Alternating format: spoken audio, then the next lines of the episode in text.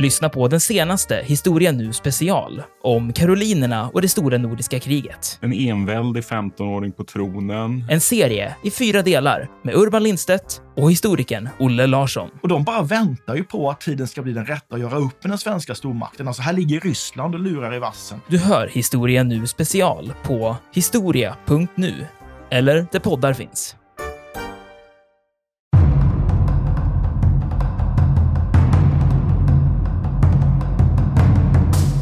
Och man ska väl också komma ihåg då att det finns ju ett antal bilder här, eh, målningar så som ska föreviga den här övergången.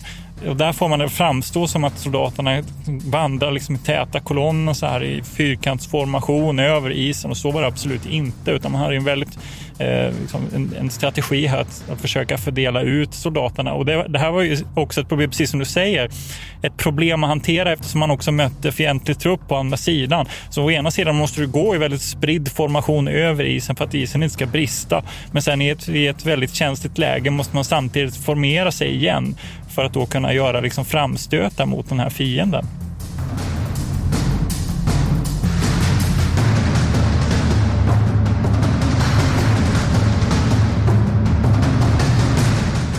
Militärhistoriepodden är podden om krig med människor och samhället i fokus. Programledare är Martin Hårdstedt, professor i historia vid Umeå universitet och Peter Bennesved, doktor i idéhistoria. Podden ges ut av förlaget Historiska Media. Stöd gärna MH-podden via vårt swishnummer 123 610 76 68. Märk betalningen med MH-podden.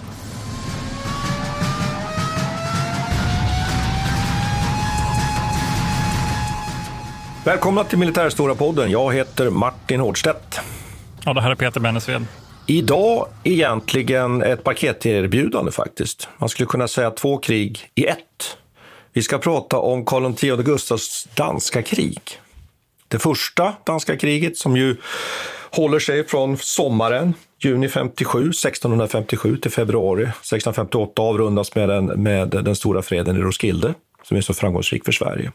Och sen det andra danska kriget som eh, utspelar sig i stort sett från sommaren 58 fram till maj 1660 och där är ju faktiskt Karl X dött redan i februari 1660. Men vi har ju en grundinställning här Peter till de här två Alla, konflikterna. Du har i alla fall. Vi får se, får se om jag köper in mig på det.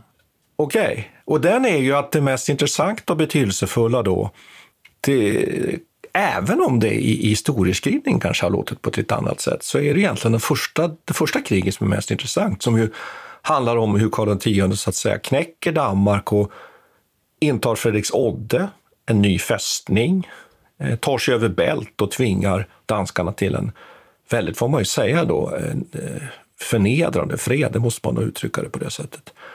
Och sen det, eh, till skillnad då från det andra kriget som ju ofta lyfts fram, nämligen med den här klassiska stormningen av Köpenhamn i februari 1659, som man har gjort stor sak av, och särskilt i, i kanske den lite mer nationalistiska och romantiska danska historieskrivningen, hur man liksom försvarar den här huvudstaden, och till och med studenterna går ut och slåss på, på vallarna. Och, och, och den uppfattar vi egentligen som, som mindre intressant och, och viktig. Ja, jag tycker också det. Jag, jag, ska säga, någonting som jag funderar på det är varför det egentligen är två krig.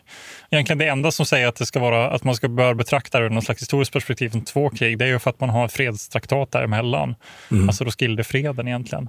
Och som då officiellt gör att man går i har en, liten, en kort fredsperiod. Mm. Men det är ju inte så att Karl X betraktar det där som eh, avslutat på något vis. Utan man kan ju, egentligen borde man ju betrakta det som en helhet, kanske. Ja, och, och, där, och där är vi inne på, tycker jag, en intressant sak, just det där att vi ofta hänger upp oss väldigt mycket på det där med att när börjar och slutar krigen, att det är den där freden. Men är det verkligen på det sättet egentligen? När slutar ett krig och att, att kriget fortsätter, det andra danska kriget, att det fortsätter. En viktig faktor är att Karl X Gustav har här plötsligt en, en relativt stor armé med den tidens mått mätt, som han inte vet hur han ska underhålla och försörja. Den, den ska plötsligt nu då försörjas på svenskt territorium. Kan han nyttja den till någonting mer värdefullt? Han har så att säga ett politiskt mål som inte är uppfyllt, ja då sätter han in den på Själland igen. Och det där är ju spännande just att när, när börjar och slutar egentligen ett krig och att det är sådana relativa övergångar mellan, mellan de här olika tillstånden, att man ofta fixerar sig som du säger vid de här traktaterna och frederna.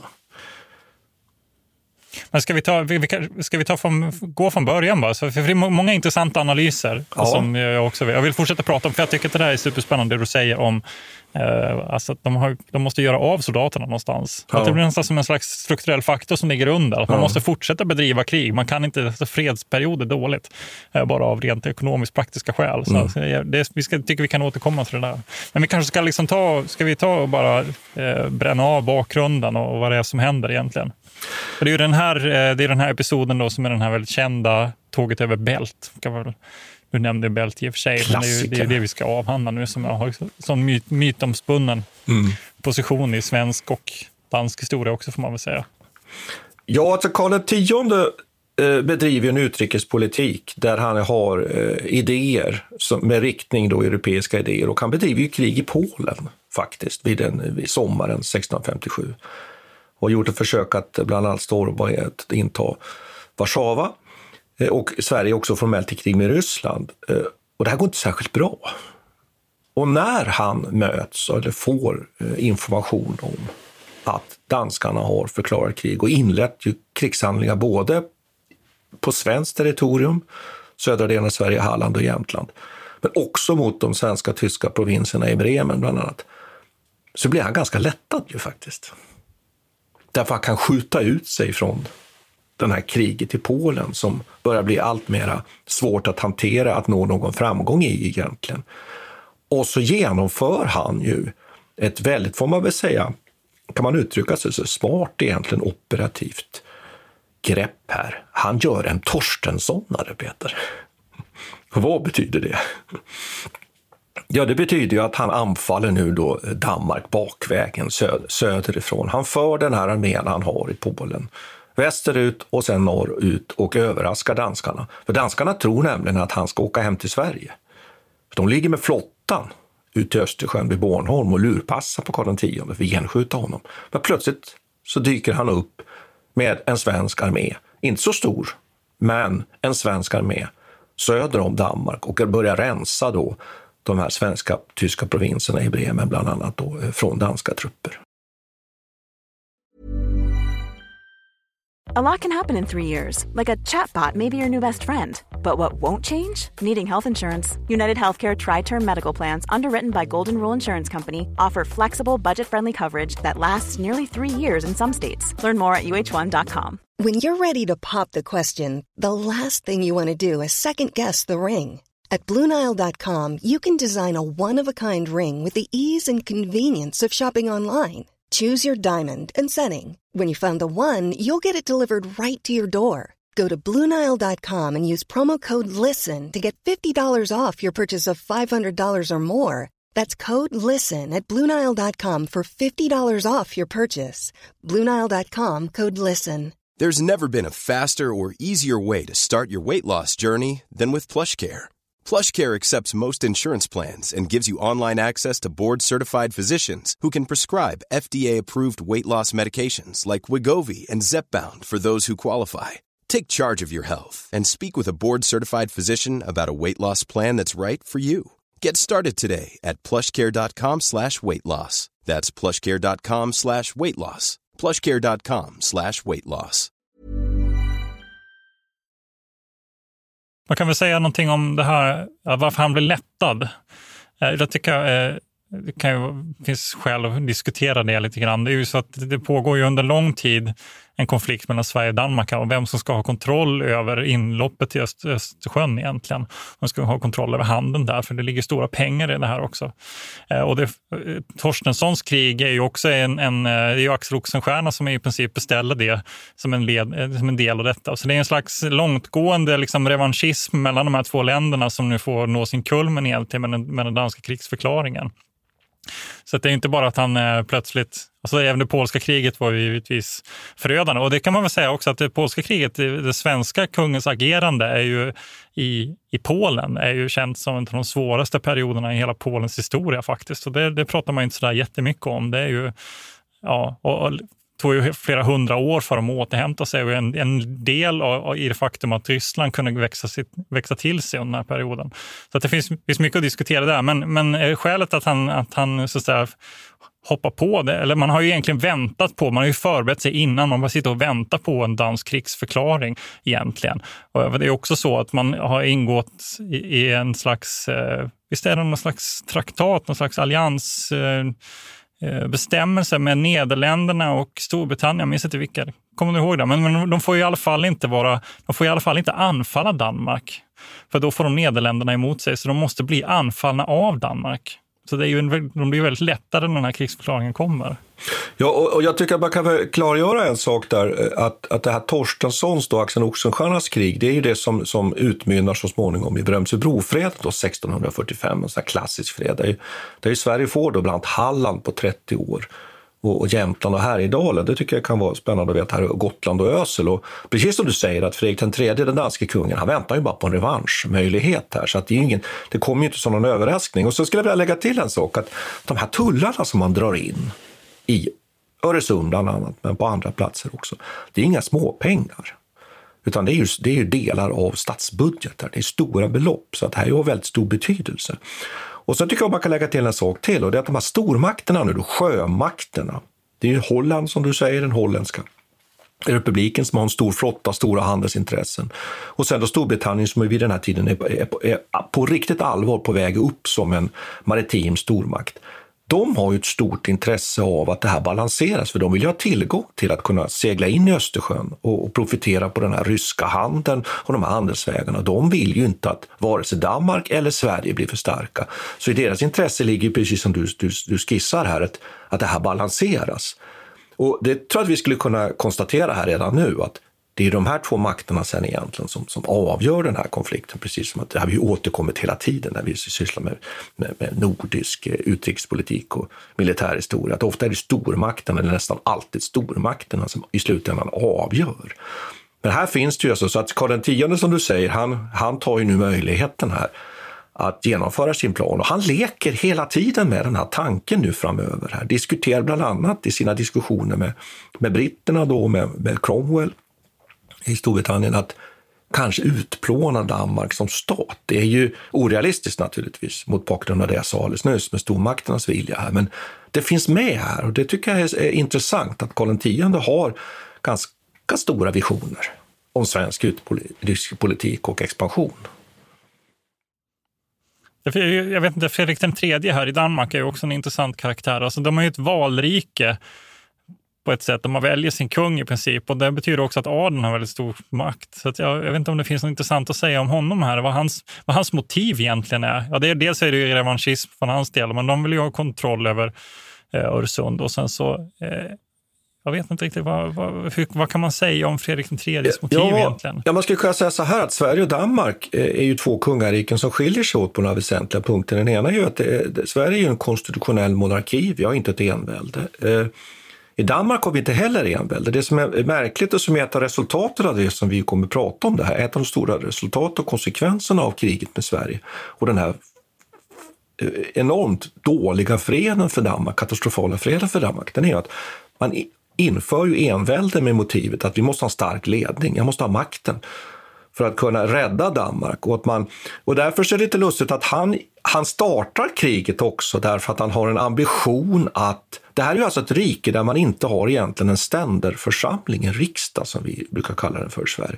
Utan bönderna är oerhört försvagade. I Danmark är det så att eh, ungefär bara 6% av bönderna har självägande. Så det betyder att de inte är något politiskt subjekt, som man säger, något politiskt aktör. Utan, utan man kan säga att politiken i Danmark avgörs av adelståndet, aristokratin i rådet, och kungen. Så det är adeln och kungen som, som står mot varandra. Adeln har stora, stora eh, landegendomar och äger mycket, mycket stor del av helt enkelt Danmarks yta och tillgångar därmed. Därför att, att, så att säga, möjligheten att ta in skatt och jorden var ju lika med förmögenhet och resurser. I Sverige, helt, helt annan bild. Jag får bara, bara säga det, där har vi istället så att 60 procent av jorden ägs av självägande bönder. Bönderna är mer ett politiskt subjekt, en aktör i den svenska riksdagen och där adeln visserligen är väldigt stark och mäktig, men har inte riktigt samma ställning och där kungen också kan liera sig med bönderna mot adeln. Så att i Danmark här nu så vill Fredrik III visa sig, om man nu får uttrycka sig så, lite på styva linan, visa att han kan slå Sverige i ett krig och också vinna mera makt. Och i Europa nu då, för att avsluta den här föreläsningen, jag ser att du njuter Peter, eh, är ju att vi är på väg i Europa mot envälde. Det är ju en trend. Det här är ju sedan Ludvig XIV och Solkungen och absolutismen. Eh, så att här ligger ju någonting lite intressant. Och i Sverige kom ju enväldet också 1680 med Karl XI, den som ju efterträdde sen Karl X. Så Fredrik III har nu en ambition här och ja. ger sig in i det här kriget på ett sätt som som ju är väldigt egentligen chansstatars kommer att visa sig och äventyrligt och inte så väl egentligen förberett. Eh. Ja, det är skitspännande. Ska vi, ska vi bara hugga tag i själva händelseförloppet? Ja. Så, så Karl X han, han är på väg in mot, eh, i det här området runt Bremen ja. och rensar upp det tillsammans med Carl Gustaf Wrangel egentligen som är hans parhäst till stor del. Jag vet inte om Erik Dahlberg är med i det här, i det här läget och Erik också. Dahlberg, men, ja. Precis. Ja, precis. Det är väl den här triaden av personer som, är, ja det finns ju fler förstås, men det är de tre som är kanske de mest omtalade eh, som, som har stort inflytande på vad som händer här i alla fall. Men, men danskarna inleder ju med att försöka göra vissa upprensnings... Eh, eh, vad ska man säga? Operationer runt i Bremenområdet. Här. Eh, och, men Carl Gustaf Wrangel då delas upp och tar med sig en, en, en, grupp och sen så rensar de upp här och det går ganska bra. Jag vet inte, danskarna var inte förberedda på det här kriget överhuvudtaget. Och det är ju lite märkligt då att de å ena sidan de startar ju det här kriget men, men tycks inte alls vara förberedda på att, för att faktiskt driva det. Och då kan man ju fråga sig varför de inte gick eh, ganska hårt ut på i Skåne, eh, Blekinge och alltså att man till exempel tog Kalmar eller någonting annat. Det gick upp med Jönköping tycker jag är ganska märkligt här. För att de lämnar i princip Jylland helt fritt för Karl X och hans, hans trupper som går upp och egentligen tar, eh, börjar belägra Fredriksodde. Mm. Och Fredriksodde ligger ju där på den plats där vi idag, mm. staden heter ju Fredricia idag. Eh, eh, och man, men jag skulle vilja lägga till några saker här. Du, du är ju inne på något som är spännande här. Du, säger, du ställer frågan vad danskarna inte förberedda. Nej, det kan man då säga att de egentligen var. Den, svensk, den, den svenska krigsmakten var, var ju eh, välövad och Det kan vi resonera lite kring det, att man kanske eh, överdriver den där erfarenheten. Men svenskarna har ju en armé som, som på pappret är mindre, men som är välövad. Den består av värvade trupper från Sverige med väldigt mycket, eh, eh, eh nej, förlåt, utskrivna trupper i Sverige. Utskrivna trupper ur bondegrupperingen och sen då värvade trupper, men som är välövade och som är, eh, är använda i krig och prövade i krig. Danmark har egentligen en helt ny armé. Nyutskrivet folk som har varit svårt att stampa fram också, det är just därför av det här skälet att adelsmännen har liksom tvingats här att släppa ifrån sig sina bönder till armén. Man sätter upp ett lantvärn som blir ganska stort så småningom och sen värvar man då trupper och de legoknäckarna är ju alltid lite Eh, bekymmersamma därför att de kan ju ofta byta sida. Så var det ju vid den här tiden, man bytte lätt sida. Och det händer också. Det är ganska så att många av de här, de här inledande striderna som du beskriver nere i Bremen här är faktiskt en del av de här danska trupperna som byter sida tidigt i det här kriget. Så att man är ju märkligt nog oförberedd. Det man har i Danmark är en väl fungerande flotta, välutrustad flotta och den kommer ju att vara betydelsefull, därför att man kommer ju rädda sig så småningom här genom att man ju lyckats hålla den svenska Men flottan stången. Får, ja. får, jag, får jag dra i den här eh, skepticismbromsen? Ja, dra den, dra den. Ja, jag drar den nu på en gång. Och det, för det, här, det här om hur eh, väl erfarna och vältränade de svenska soldaterna var, det är ju någonting som återkommer i precis all litteratur. Så fort man plockar upp någonting om det här kriget så står det att ja, den svenska armén de var fostrade och de var, hårdnackade. Och liksom. Men hur mycket myt är det då? Det undrar jag. Alltså, det är klart att det här med moral spelar ju förstås roll och erfarenhet och det spelar roll. Men vad, är, vad grundar sig den där idén om? Alltså, är det verkligen... Det, det pratas en hel del om initiativ också, att Karl X var duktig på att ta initiativ just i det här fallet. Att han var liksom snabb och han som egentligen bestämde krigets förlopp eh, och, och, och överraskade. Liksom, hur stor roll spelar egentligen de här erfarenheterna? Från, jag tänker att Ja, historien borde väl ändå ha visat att den här moralen kan vara ganska flyktig oavsett hur pass erfarna soldaterna är. Mm. Ja, men det, det är alldeles rätt. Vet, för, för, mig, för mig framstår det lite som eh, någonting man... Alltså, man försöker hitta olika skäl till varför det gick bra för Karl X och så, så, så hugger man tag i det här ganska flyktiga och mjuka argumentet om att soldaterna var erfarna. Ja, du tycker att det är, du tycker, ja, jag förstår precis. För du ja. tycker att det är liksom lite flummigt och ja, de var, de var så. Men det finns en substans i det och, och jag, kan säga, jag kan tycka så här att vi skulle kunna, om jag nu så att säga företräder mer en linje där jag liksom vill lyfta fram att de svenska trupperna var erfarna utan att nu hänge mig åt någon sån här heroiserad och, och du är kanske lite mer skeptisk så kan vi mötas halvvägs tänkte jag lite här.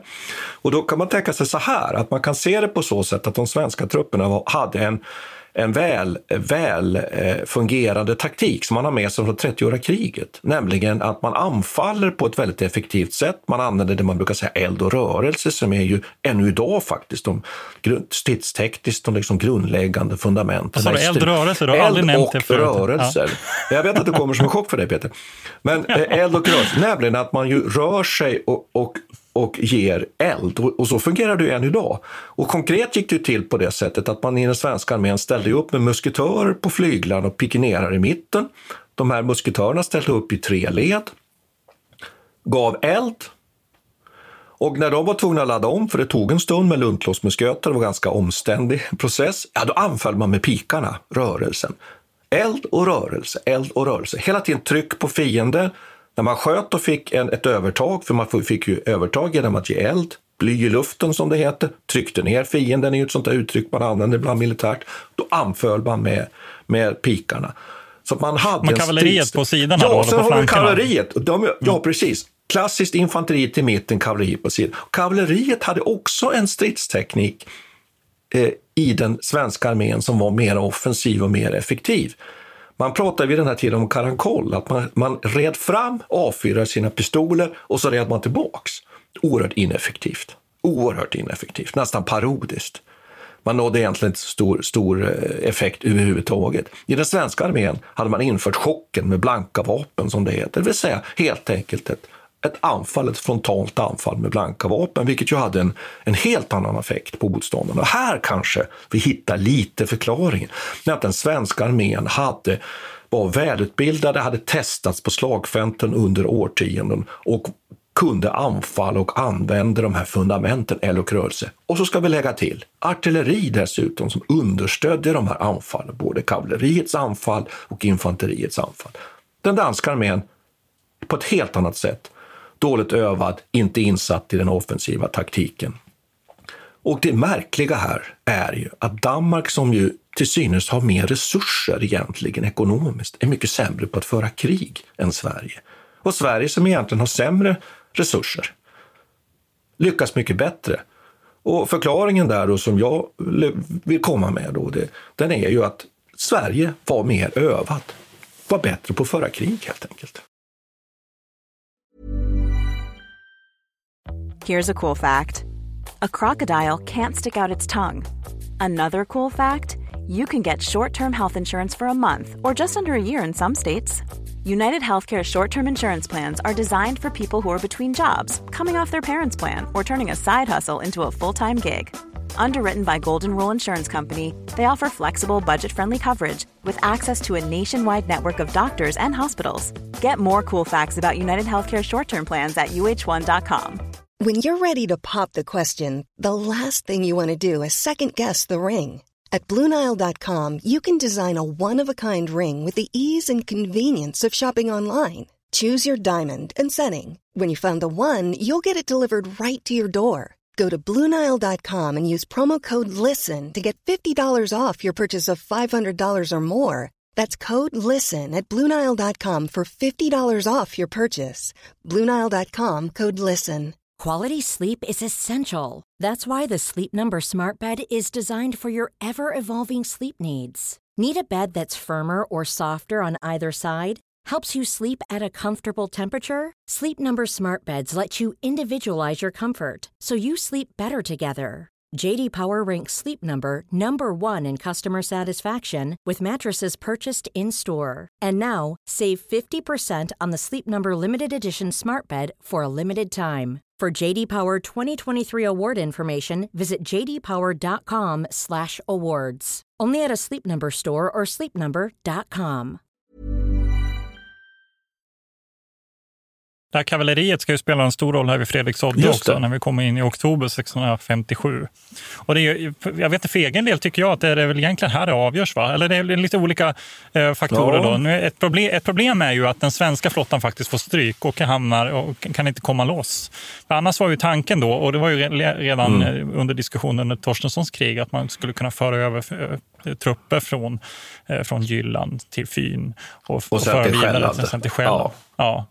Ja, det, det liksom eh, var det övergripande målet här nu. Men nu stötte man ju på patrull då, genom att man mötte den danska flottan och det gick inte särskilt bra.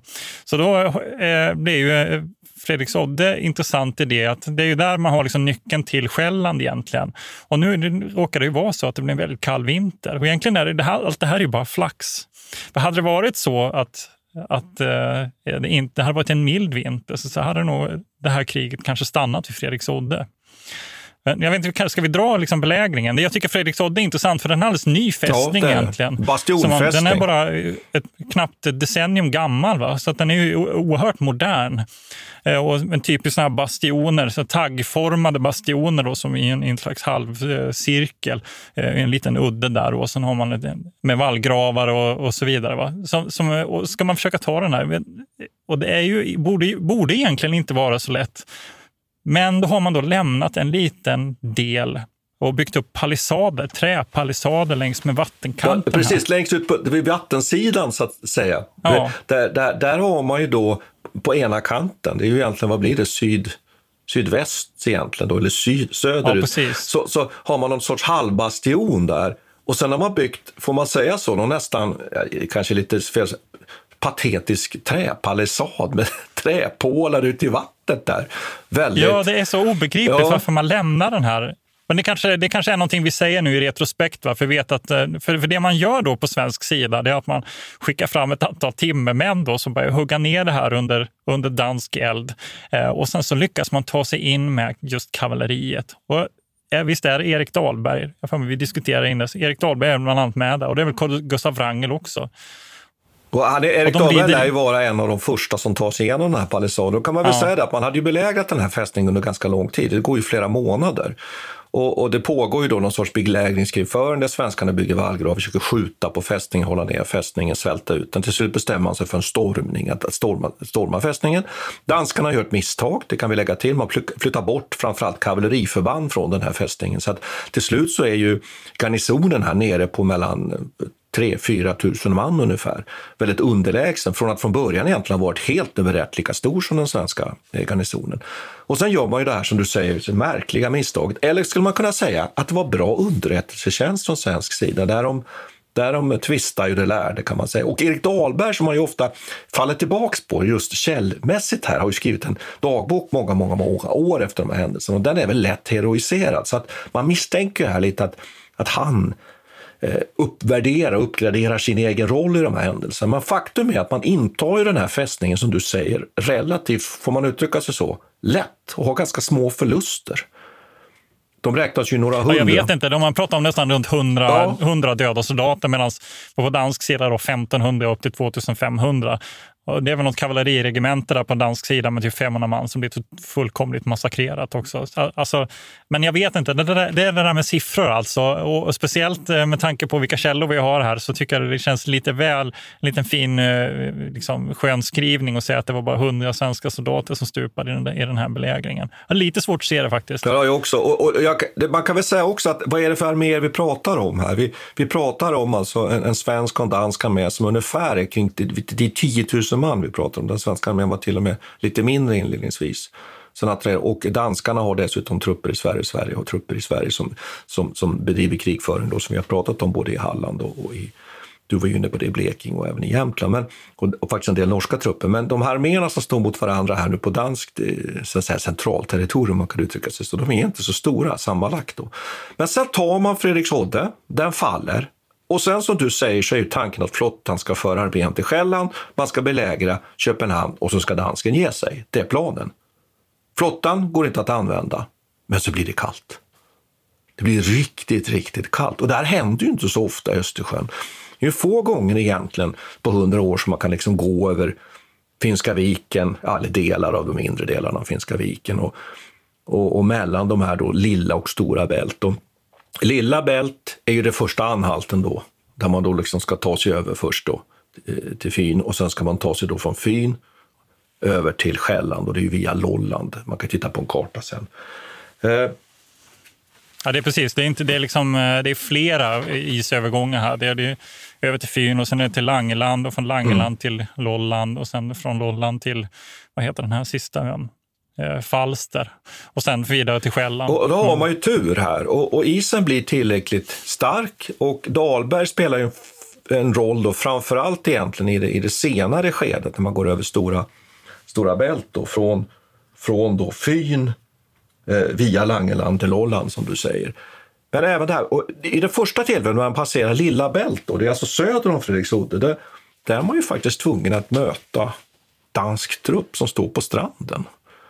Och det komplicerar ju det här, så det betyder att man måste på något sätt gruppera ute på isen och anfalla över isen, vilket ju komplicerar den övergången. Och där, där har man ju faktiskt en olycka på slutet av den övergången, nämligen att det är ett antal eh, tyska, tyskfärvade eh, eh, skvadroner som ju faktiskt faller ner i vakar och försvinner. Det är ju ganska, ganska dramatiskt. Så på något sätt ska jag tycka att den första övergången är ju mera spektakulär, för den görs ju egentligen i strid. Den görs i strid utan att ta alla detaljer här. Det Eh, finns en, jag, jag funderar på om det är någon som har försökt dyka efter kungens släde. Ja, den Det- går det ju i kvar där ja.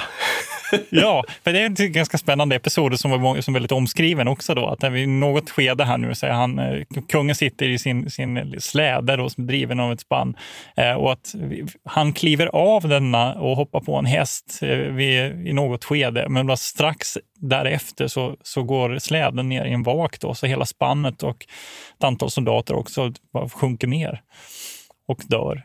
Så det var, och det, jag vet inte, det är ödesnyckeln, men jag funderar på om det är någon som har försökt dyka upp den där släden. Det skulle vara häftigt om de lyckas dra upp den någon gång.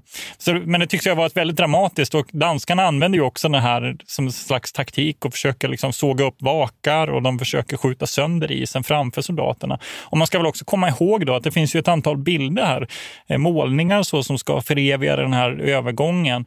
Och, och, att, och där får man det framstå som att soldaterna vandrar liksom i täta kolonner så här i fyrkantsformation över isen och så var det absolut inte. Utan man hade en väldigt eh, liksom en, en strategi här att, att försöka fördela ut soldaterna. Och det, det här var ju också ett problem, precis som du säger, ett problem att hantera eftersom man också mötte fientlig trupp på andra sidan. Så å ena sidan måste du gå i väldigt spridd formation över isen för att isen inte ska brista. Men sen i ett, i ett väldigt känsligt läge måste man samtidigt formera sig igen för att då kunna göra liksom framstötar mot den här fienden. Så det, det är ju, jag håller helt med dig att det är ju lilla bält som kanske är mest intressant. Och, här måste man också göra någon slags, eh, ha någon slags taktik här, att man måste gå och ta en liten vik här då och inte gå den vanliga vägen som, som man först har tänkt sig, utan man måste göra liksom en, en omsvepning och hålla sig ute på isen tills man har fått fäste på den norra sidan av den här viken. Alltså det är en oerhört, vilket vågspel! Och man får man ju komma ihåg här nu då att det är ju inte över, även om de, de lyckas ju ta sig in på, på Fyn här nu då. Men det som kan hända det är ju att man blir fast Jo, där. om isen går upp, Det är så otroligt. Ja. Ja. Och det är det, alltså det är ett ja. otroligt vågspel egentligen. Allting kan falla med detta. Mm. Han hade kunnat stanna vid Fredriksodde och eh, kanske, jag vet inte vad man hade kunnat Skrivit göra en fred därifrån. på något sätt eller? Mm. Ja, precis. För det var ju en stor vinst i sig. Va? Och, mycket av det här, och mycket av det här slaget hänger ju egentligen på Fredriksodde, men så hamnar, sitter man där på Fyn nu. Så och frågan är, vad ska man göra sen? Mm. Liksom? Tänk om de hade blivit fast där. Hela den svenska armén sitter fast på Fyn och kan inte ta sig loss, kan inte försörja sig. Svenska flottan kan inte komma eh, till undsättning eller någonting. Så 29 januari tar man sig över Lilla Bält och sen är det dags för stor, Storbälten. Och då menar man ju här nu då att det är Dahlberg som är väldigt betydelsefull. Då. Därför att han stöttar ju, eller kan man väl säga övertyga kungen om att isen kommer hålla han ut och rekar och rekonstruerar. Och de har ju till och med ett, ett sånt här eh, konferens kan man väl säga, bland annat med Wrangel. Och där är Dahlberg med och där är ju Wrangel är, är, är, är skeptisk och negativt. Han har ju ett annat alternativ. Han vill gå lite längre norrut faktiskt över isen. Och, eh, eh och han är emot beslutet att, att överhuvudtaget gå över. Han är orolig för det här. Men att Dahlberg då står fast och där har vi åter hans, igen hans dagbok. Ska vi tro på hans betydelse? Men beslutet fattas. Sen går ju egentligen den svenska armén över Stora Bält i två omgångar enligt två lite olika rutter i början på februari.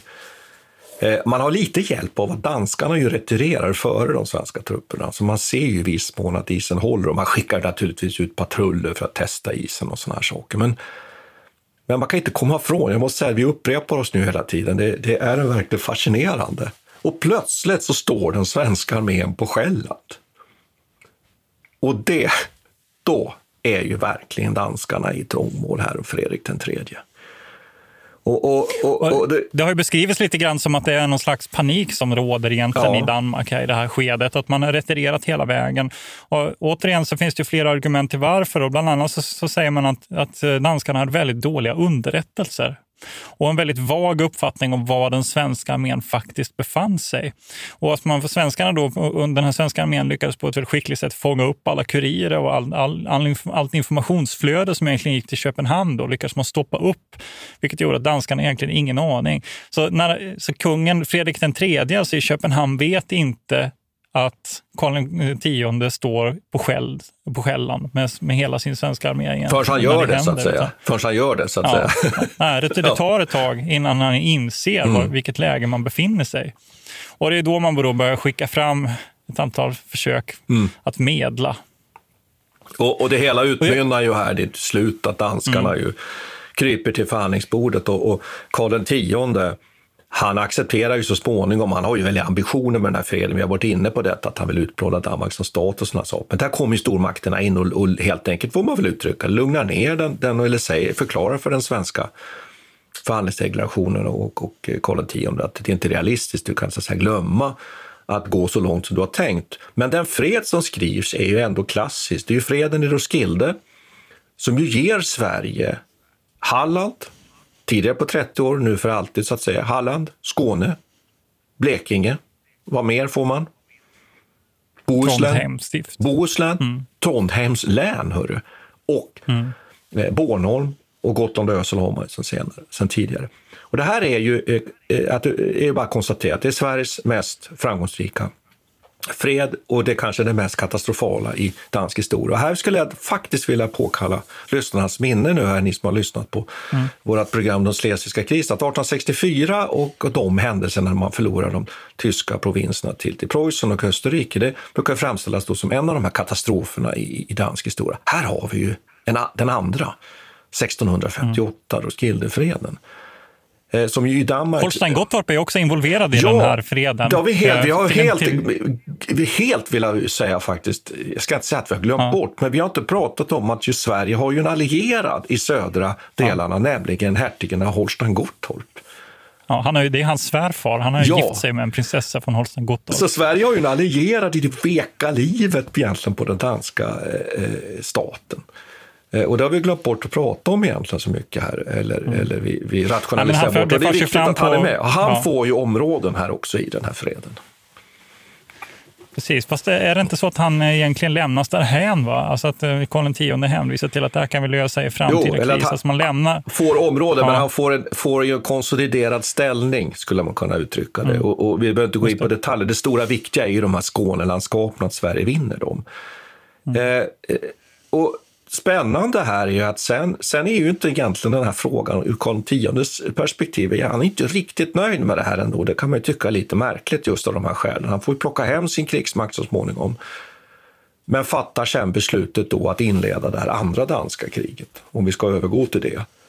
Eh, mm. eh, kommande året. Och där man ju gör ett försök, då man överför en armé då igen på sommaren 1658. Eh, och så gör man då ett, ett försök att storma Köpenhamn som, ju inte, som, ju, som blir misslyckat. Den 11 februari så gör man ett försök att storma Köpenhamn. Och jag vet inte riktigt. Det är klart att det där är intressant och betydelsefull stormning och några av lyssnarna mm. får ju gärna vara oeniga med oss och tycka att, att vi borde ha, ha lagt krut på den där stormningen istället. Men den är i någon mening lite mera, får man, får man säga traditionell? Mm. Vad säger du om det? Ja, men jag ska säga så här, att det som är om man nu betraktar det här som två olika krig, ja. då blir Karl Xs krig väldigt framgångsrikt. Att det alltså första? Man, han, ja, om man ja. bara tittar på det första. Om man liksom avgränsar det till en egen episod så kan man få det att framstå som otroligt vilken djärv krigarkung han är. Mm. Eh, som tar de här vansinniga besluten och, och spelar, lägger allt på ett kort egentligen. Han kunde bli fast på Fyn, men han lyckas ta sig vidare och sluta den här fantastiska freden för, ur svensk synpunkt. Va?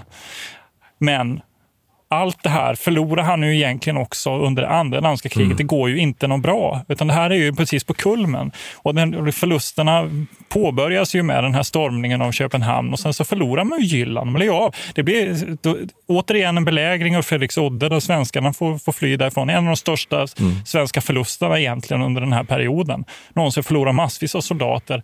Och, men det, om man avgränsar det till ett annat krig så att säga, så framstår ju som tåget över Bält som än mer dramatiskt och spännande. Så jag tycker det är egentligen mer rättvist att se det här som en, en, en helhet Alltså både samla ihop de här två krigen till en helhet. För det är ju också så att i freden, jag vet inte, freden i Köpenhamn va? Ja, 1660, så det, i, i, maj ja. 1660. Men det är ju den som egentligen konsoliderar Roskildefreden. Det är ju den som egentligen bestämmer jo. vilka ramar den ska faktiskt ha. Och det är ju där som, som Frankrike, eller förlåt, Nederländerna och Storbritannien går in med hela handen och mm. säger att nu, nu får det vara nog med det här. Ni får varsin sida mm. av Öresund. Och det är de som egentligen avgör den här frågan. Så det är egentligen där det mest avgörande sker. Va? Och det tycker jag är, och det säger ju någonting också om, om eh, historieskrivning om Karl X och, och liksom hur man har velat upphöja den här.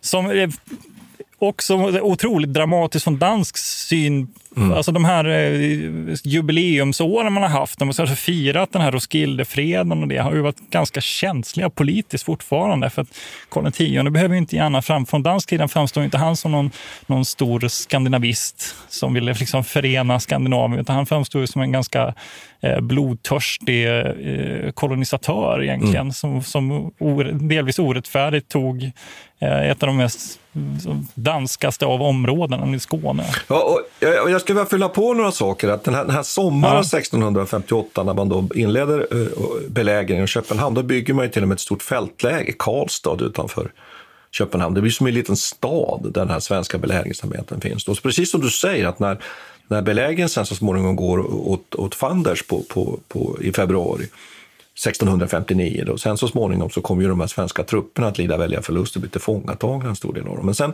sen framtvingar man ju en, en fred som du säger. Och där kan man ju nämna, mm. tycker jag, att, att, att Karl X, ett skäl till att freden ju tas där så småningom i maj 1606, freden i Köpenhamn.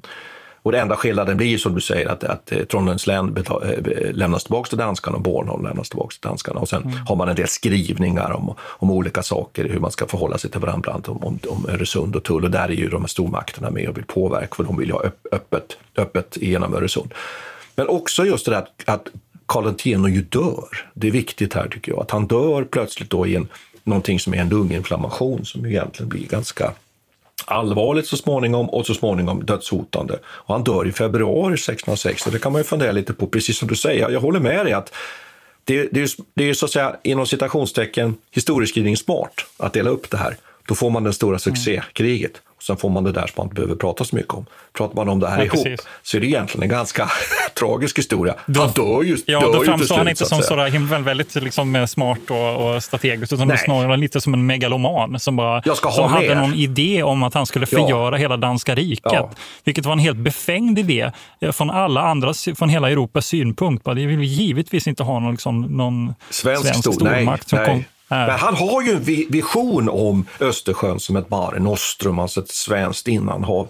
Och sen ska man komma ihåg, du sa, du sa Frankrike här nämnde du, så sa nej, nej, nej, nej sa du, så står du sjömakterna. Ja. Men det är så att det är precis som du säger, stormakterna ute i Europa vill inte ha det här och inte ens Frankrike som ju traditionellt har varit en svensk allierad vill inte ha det här heller. Och vi har också en tysk, tysk stat som Brandenburg som finns med här med en stark koppling till Storbritannien sen så småningom. De vill inte heller ha det här. Sen har vi den habsburgske kejsaren, vill inte ha det här. Polen vill inte ha det här. Mm. Ryssland vill inte ha det här och så vidare och så vidare.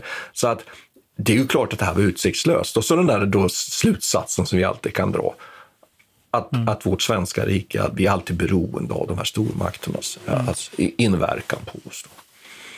Det finns en annan eh, del av det här som jag också tycker som vi kan säga någonting om. Så det är också ett återkommande tema i den här podden, det här med logistik och soldater ja. och så vidare. Man kan ju fundera då på, alltså ett av problemen som, ett, en sak som ingår i Roskildefreden är ju också att kungen ska få ha kvar sina soldater på Själland, att de ska bli försörjda fram till maj. Mm. Eh, så därifrån ska han sen ta... Och det är då, jag vet att vi inledde det här samtalet, men han skriver ju ett brev här där han, jag vet inte till vem, men han ojar sig över att han inte vet vad han ska göra med soldaterna. Eh, och för han kan inte skicka dem till Polen som annars hade varit den naturliga liksom, slutpunkten för att det är så jävla krigshärjat och det är så uttömt av alla resurser det här, det här området. Och, och hela Centraleuropa är ju fortfarande drabbat sedan, sedan 30-åriga kriget och så vidare. Så beslutet, han försöker liksom få hitta orsaker till att behålla de här soldaterna på dansk mark och det i sig driver ju fram den här konflikten igen då. För att man, den danska kungen blir väldigt irriterad givetvis på att de här soldaterna är ju, de är ju bara en enorm kostnad då som utarmar landet. Och man, kungen vill inte föra hem dem för då, då måste han ju antingen upplösa armén eller försörja dem själv. Så det finns ju någon slags, eh, det finns ju något väldigt intressant här som man ska fundera på också bara det faktum att logistikproblemet i sig driver ju det här kriget vidare. Kungen Karl X Gustav, mm. han är ju kung i bara sex år, varav fem av dessa är han ständig liksom, krigförande. Och det är ju en, en av orsakerna till det är ju just det här att det bara, eh, har man en armé så måste man försörja den också. Ja, och, och, så det är ju en Ja, och, förlåt, eh, och också på, på så att säga fiendens territorium. Han vill, ja, han vill ju absolut inte ta hem precis. de här, utan han försöker hålla de här liksom i de tyska provinserna. De blir ju kvar långt, mm. långt in på hösten, en del förband och sådär. Så jag håller med dig fullständigt. Och att man kan ju också tänka så här att Karl X, vad har han för tankar och politiskt eh, verktygslåda om man uttrycker sig så. Ja, men det verkar som att krig, ja, kriget ja, han... är det verksamma instrumentet som han, och han är van att använda mm. det, kanske väl lättvindigt. Och, så jag tror att det finns ett verkligt värde i att se att det här kriget, sen det här andra danska kriget som sen, sen ju blir misslyckat för svenskt, det sätts igång därför att man inte vet vad man ska göra av trupperna. Jag tycker att en annan sak som man skulle kunna lyfta fram som någon sorts egentligen slutvinjett på, på hela det här dramat, det är ju att här egentligen avslutas ju den offensiva fasen av den svenska stormaktsexpansionen som har inletts eh, under andra hälften av 1500-talet. Den har sitt slut, slutsteg här. Här är det slut egentligen den svenska expansionen 1660. Här är Sverige som, som, som störst mellan 1658 och 1660 rent, rent territoriellt. Sen går ju Sverige in mera i en konsoliderings och defensiv försvarsfas, som man uttrycker den så, som ju sen kulminerar i stora nordiska kriget och Karl XIIs försök att, att försvara det här stormaktsimperiet. Så att jag tycker ju att, att eh, eh, det här vi har pratat om idag också har sin, har sin plats i den här, i den här stor, helheten. Här egentligen kulminerar ju den svenska stormakten territoriellt med ett misslyckat krig, skulle man kunna säga. Mom deserves the best, and there's no better place to shop for Mother's Day than Whole Foods Market. They're your destination for unbeatable savings, from premium gifts to show-stopping flowers and irresistible desserts. Start by saving 33% with Prime on all body care and candles. Then get a 15-stem bunch of tulips for just $9.99 each with Prime. Round out Mom's menu with festive rosé, irresistible berry chantilly cake, and more special treats. Come celebrate Mother's Day at Whole Foods Market. Mom deserves the best, and there's no better place to shop for Mother's Day than Whole Foods Market. They're your destination for unbeatable savings, from premium gifts to show-stopping flowers and irresistible desserts. Start by saving 33% with Prime on all body care and candles. Then get a 15-stem bunch of tulips for just $9.99 each with Prime. Round out Mom's menu with festive rosé, irresistible berry chantilly cake, and more special treats. Come celebrate Mother's Day at Whole Foods Market Market. Even when we're on a budget, we still deserve nice things.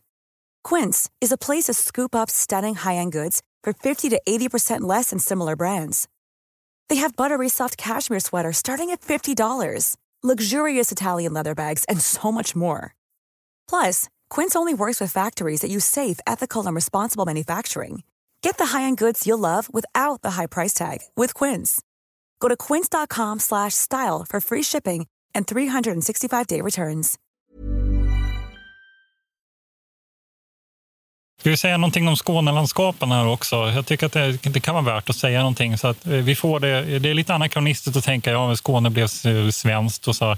Eh, om att det var en helt oproblematisk process. Eh, det var det inte heller, utan det här är ju faktiskt eh, en väldigt känslig period egentligen i Sveriges historia. Och, eh, och man, och det, det är som en konsekvens av de här krigen också. Det var ju att, ja, dels hade man mycket problem med snapphanar då, med mycket irreguljär krigföring som skedde under området en lång period därefter. Eh, men det är också så att man inför någon slags eh, liksom, försvenskningspolitik här nu i Skånelandskapen. Eh, och man till exempel försöker isolera skåningarna från Danmark genom att förbjuda handel över till Köpenhamn. Eh, och en intressant parentes är också att man bildar Lunds universitet 1668. Och det är ju ett sätt, det är ju en del i det här att man förbjuder faktiskt svensk, svenska eller skånska adelsmän och deras söner. Ja, ja, de får inte åka mm. över och utbilda sig i Danmark utan man, eh, man låser den möjligheten och så, så bildar man ett svenskt universitet istället eh, i Lunds universitet. Då, som en, det är ju en del av det. Och det är liksom, jag vet inte, jag tycker att det är eh, spännande att tänka tänka på att vi tar det så för givet att Skånelandskapen skulle vara en svensk, liksom, oerhört eh, svenskt över dem, så att säga. Men det var inte så länge sedan Nej. som de tillhörde ett helt annat land. faktiskt. Och jag menar, vad man funderar på, skulle det kunna, för, det, för det är ju politiskt kontroversiellt egentligen. Så fort, så fort man upp, höjer Karl X och hans hur han sätter någon Sveriges naturliga gränser så, så måste man ju samtidigt konstatera och liksom håna, eller liksom inte man hånar ju inte, men, men det blir ju någon slags eh, pik i sidan till Danmark också, att de, det var då de förlorade på något mm. vis. Man kan ju säga så här att Sverige skaffade sig provinser under stormaktstiden. Vi, vi, vi debuterar ju väldigt sent som sån där konglomeratstat. Danmark hade ju varit det länge. De hade haft olika provinser, det vill säga områden som hade Eh, Eh, olika relation till, till kungamakten i Köpenhamn jämfört med de här kärnområdena. Sverige bestod ju egentligen bara av Sverige och det som vi idag kallar för Finland. Det var ju kärnområden, samma lagstiftning, eh, man skickade representanter till riksdagen. Sen plötsligt började man skaffa sig provinser och det gör vi ganska sent egentligen. Vi debuterar sent som jag sa. Vi skaffar eh, i Livland, i, i Tyskland och så vidare. Och de här Skånelandskapen som ju var delar av det, av det danska riket, det är precis som du säger, det är jätteintressant. De inkorporeras direkt och blir fullvärdiga delar av, det, av, av kärn Sverige, det kärnriket, de blir inte provinser med någon annan lagstiftning eller någonting. Utan här gör man ju som vi skulle säga idag, en, en kraftfull försvenskning. Inte nödvändigtvis med språket, för det har inte samma betydelse för det, identiteten vid den här tiden. Men just att, att vi, man genomför en väldigt snabb försvenskning. Och det här gäller också i stor utsträckning då Jämtland och Härjedalen. Och där finns det ju forskning, forskare och historiker som har tittat väldigt mycket på det här. Det är väldigt spännande, spännande eh, processer. Men samtidigt är det också, särskilt när det gäller Jämtland och Härjedalen, så finns det ju en sån här lång övergångsperiod där, där man har väldigt mycket kontakter över gränsen. Därför att gränserna är ju inte på det sätt som vi idag tänker oss att de var så, så nödvändigtvis så hårt eh, linjära, utan mer som flytande gränszoner. Men Helt klart är det så att Skånelandskapet, och det kan man ju tänka sig att det hade också strategisk betydelse. Man vill ju naturligtvis försvenska de här områdena och sen när man så småningom flyttar den svenska flott, flottstationen då under 1680-talet till Karlskrona och bygger upp det som en strategiskt viktig plats, eller åtminstone operativt i Östersjön, ja, då blir det ännu, mer, ännu större betydelse. Men precis som du säger, försvenskning av Skånelandskapen in, inleds direkt och att de blir en fullt integrerad del av Sverige finns det, är väl värt att, att, att, att tycker jag, upprepa. Jag tänker på många ruiner som jag sett under min barndom också som egentligen härrör från den här perioden. Jag är född i Växjö. Det finns en liten eh, fästning där utanför som heter Kronobergs slott. Som är, eh, eh, ja, och sen också, det är en typisk sån här befästning av gammalt slag som egentligen tappar sin funktion helt och hållet i och med att vi inkorporerar de här de här landskapen. Och likadant Sölvesborg eh, som ligger strax söder om Sölvesborgs slott som bara rivs efter den här perioden. Så det finns ingen anledning egentligen att ha kvar dem. Det anses vara danskt fäste och de byggdes upp under en tid då, då det här området var danskt. Så liksom då då fyllde de en annan funktion. Så det är mycket så här, ja, spännande. Eh, det förändras. Det, det innebär väldigt stora förändringar för hela egentligen södra Sverige och en slags omorientering också i vår självbild om vad som ska vara svenskt. Med väldigt intressanta konsekvenser för, för, mm. Eh, jag, för Sveriges historia. Jag tänkte bara lägga till Kristianopel till exempel, gränsfästning eh, mellan, mellan då Småland och Blekinge till exempel, har inte någon betydelse längre. Sen skulle jag vilja slå ett slag här, kanske lite avslutningsvis här, mot att eh, Eh, Fredricia, som vi nämnde, alltså Fredriksudde, den, den finns ju kvar idag och deras befästningssystem kring den staden är väldigt välbevarat. Så att åker man till Danmark och är militärhistoriskt intresserad, då gör, begår man tjänstefel om man inte besöker Fredricia, för det är en väldigt spännande stad som också har betydelse från de slesiska kriserna, inte minst den första slesiska krisen, då danska armén ju genomför en väldigt spektakulär utbrytning från Fredricia. Men det, det är kanske en annan historia, eller hur? Vad, ja, vad har vi framför oss? Vi ska prata om pacifism. Och, och, det ska bli ett spännande eh, avsnitt att diskutera pacifismens betydelse, vad det kan vara och kanske hur du och jag ställer oss till pacifism. Det känns ju logiskt här. Ja, men eh, ska vi säga eh, tack ska vi ha då? Ja, tack ska vi ha. Sveriges, kan man säga, ut, stormaktstid får sin fullbordan. Tack ska ni ha. Vi tackar Peter Bennesved och Martin Hårdstedt.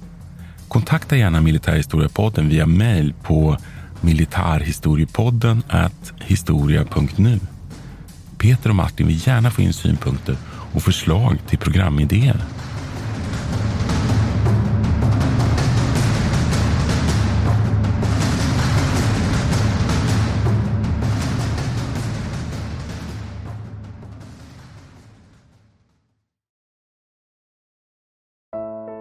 Iran har under 1900-talet genomgått tre omvälvande revolutioner som orienterat landet antingen mot västerlandets modell eller mot en auktoritär styrelseform. Idag pågår en social revolution i landet som vänder sig mot det islamistiska styret och vars anhängare har Europa och väst som förebilder. I en viktig bok ger idéhistorikern Mohammad Faslashemi en djupare förståelse för dagens dramatiska händelseutveckling. Iran mellan tre revolutioner är utgiven av förlaget Historiska Media. Beställ den fysiska boken på förlagets hemsida historiskamedia.se eller köp den i en bokhandel nära dig.